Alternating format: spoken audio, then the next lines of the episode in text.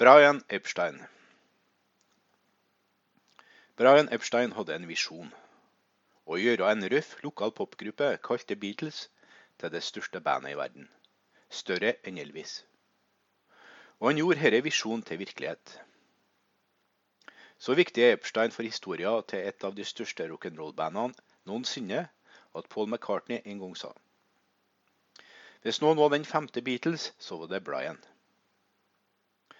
Hans historie var mot alle odds, og han er avgjørende for at vi kjenner til The Beatles i det hele tatt. Brian Epstein ble født i Liverpool i 1934 og var sønn av Harry og Queenie Epstein, som var av østeuropeisk jødisk avstamming. Og de hadde bygd opp en vellykka butikk som solgte møbler, elektriske apparater og plater. Epstein, som var flink og kunnskapsrik, hadde droppa ut av Londons Royal Academy of Dramatic Art for å returnere til Liverpool og jobbe i familiebedrifter hvor han viste en god evne til å tiltrekke seg lojale kunder, spesielt i musikkavdelinga. Det var i november 1961 at Epstein bestemte seg for å satse på ei musikalsk gruppe som han hadde hørt om. John Lennon, Paul McCartney, George Harrison og Pete Best fremførte en lunsjkonsert på Cavern Club i Liverpool. Epstein ble betatt av det han så og hørte. Jeg ble umiddelbart fascinert av musikken deres. Deres beat og deres sans for humor på scenen, sa han om sin første opptreden. Og sjøl etterpå, da jeg møtte dem personlig, ble jeg igjen slått av deres sjarm. Og det var der det hele starta. Han overtalte bandet til ansatte han som manager tidlig i 1962. Han hadde slik tro på at de var en popgruppe som verden ville forelske seg i. Ei tid da ingen andre i Liverpool virkelig så det. Epstein, en nybegynner som manager, begynte umiddelbart å jobbe med å heve omdømmet deres, både i og utenfor Liverpool. Han rydda opp i imaget deres. Borte var dagene med banning, røyking og spising på scenen under forestillinga. Jeans og skinnjakker måtte gi plass for dresser og lik hårklipp. Han skaffa dem en platekontrakt som ble realisert innen seks måneder. Etter at han signerte kontrakt med dem. Og året etter skulle de opptre for kongefamilien. Han så på dem som en potensiell underholdningssuksess. Sørga for å få dem inn i filmen. Få dem inn på TV-ruta. Spille på deres karisma, personlighet og humor. Med bandets nye image og Epsteins evne til å skaffe reklame, spilte Beatles snart på store arenaer for store folkemengder. Trommeslageren deres, Pete Best, ble erstatta med Ringo Starr i 1962. I 1963 toppa hovedsingelen fra albumet deres med samme navn, 'Please Me Please Me', de britiske hitlistene, og starta en serie med album som ville føre til at elleve av deres tolv studioalbum helt til 1970 nådde nummer én på de britiske hitlistene. Senere i 1963 reiste Epstein til USA og ordna en opptreden for bandet på Ed Sullivans populære TV-program. Beatlemania begynte å herje over hele verden.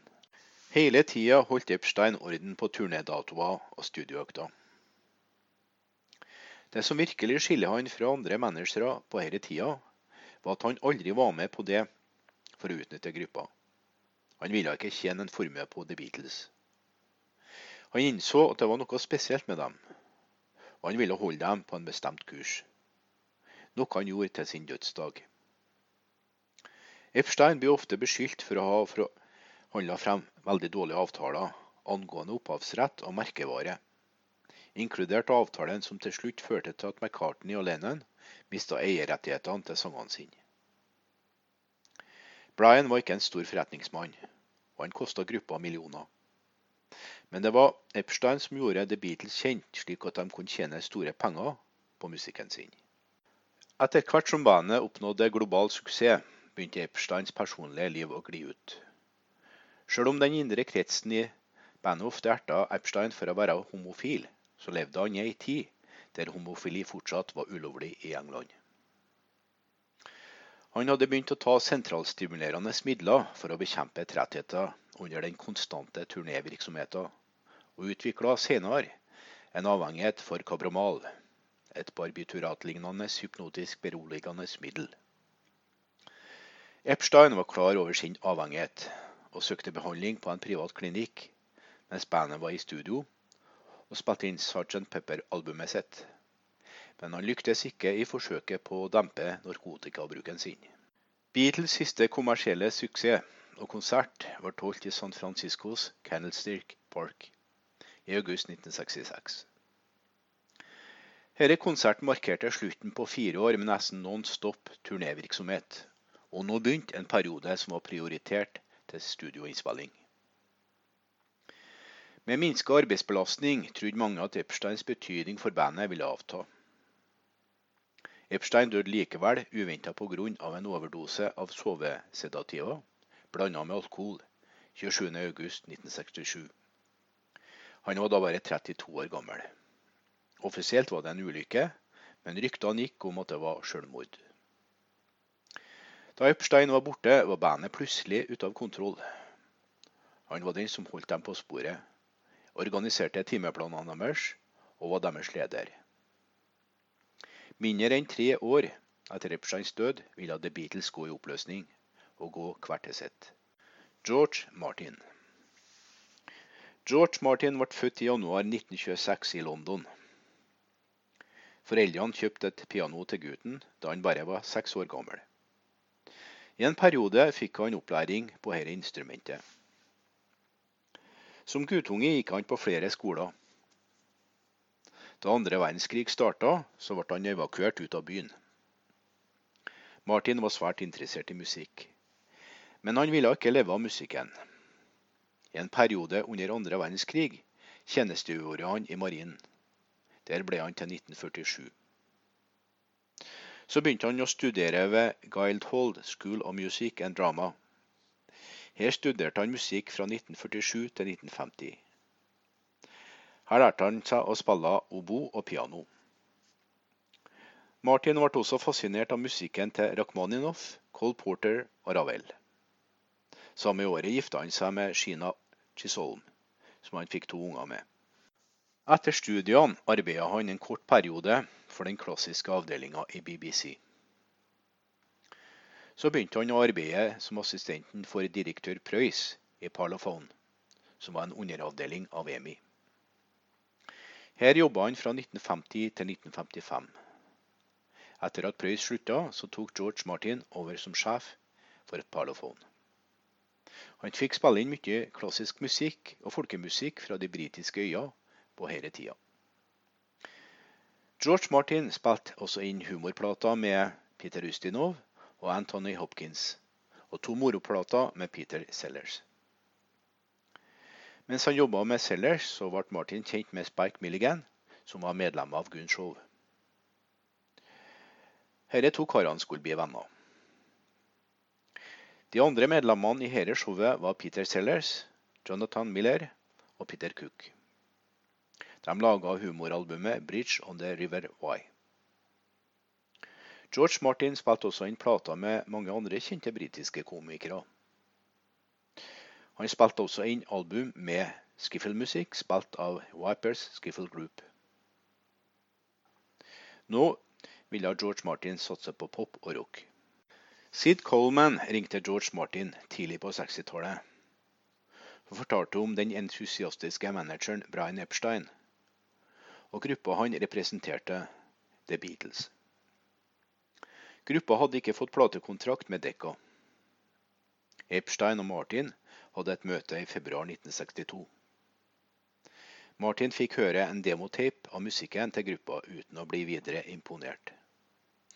I mai samme året bestemte han seg likevel for å skrive under en kontrakt med gruppa, og manageren deres uten å ha sett The Beatles liv.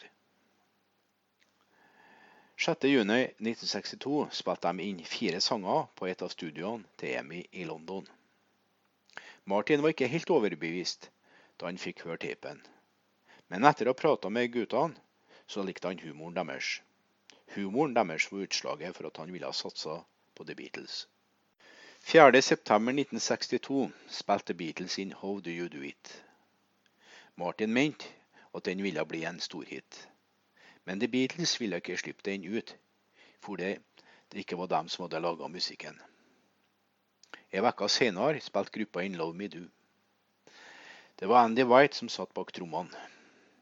Ringo Starr var henvist til å spille tamburin. George Martin trøsta Starr med at han var likevel den beste trommeslageren i bransjen. Han var definitivt ikke fornøyd med situasjonen. På slutten av 1962 spilte de inn Please Me, Please Me.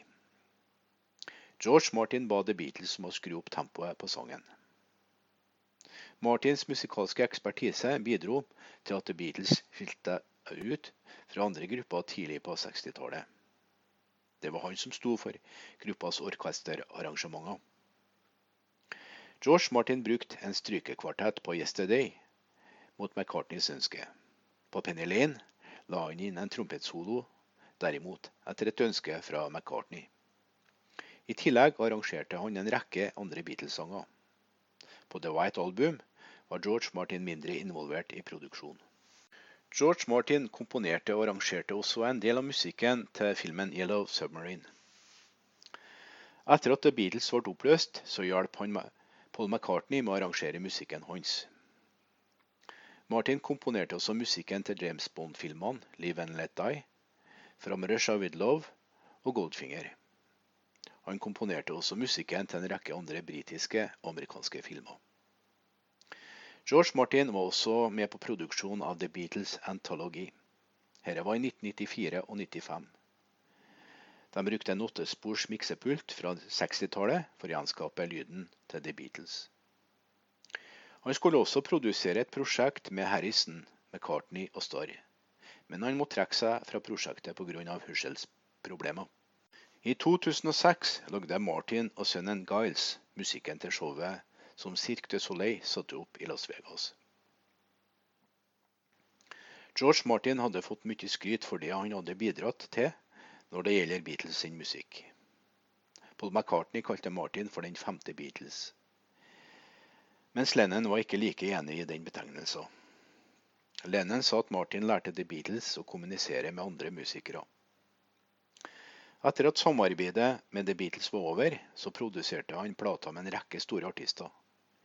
De mest kjente artistene er Silla Black, Dye Straits, Elton John, Neil Sedaka osv. Lønna som George Martin fikk i EMI for å være produsent, var lav sammenligna med millioninntektene som artistene han produserte for, spilte inn. Derfor bestemte han seg for å bli en uavhengig produsent som produserte musikk for de virkelig store artistene mot en klekkelig betaling. Han fikk bygd Air-studioene i London og Montserrat i Karibien. Dette var innspillingsstudioer med det beste innspillingsutstyret som var å få på markedet. I 1979 ga Martin ut memoarboka 'All You Need Is Years'. I 2011 kom BBC-dokumentaren 'Produced' by George Martin ut. 8.3.2016 døde George Martin i hjemmet sitt i Wiltshire i England. Han ble 90 år gammel.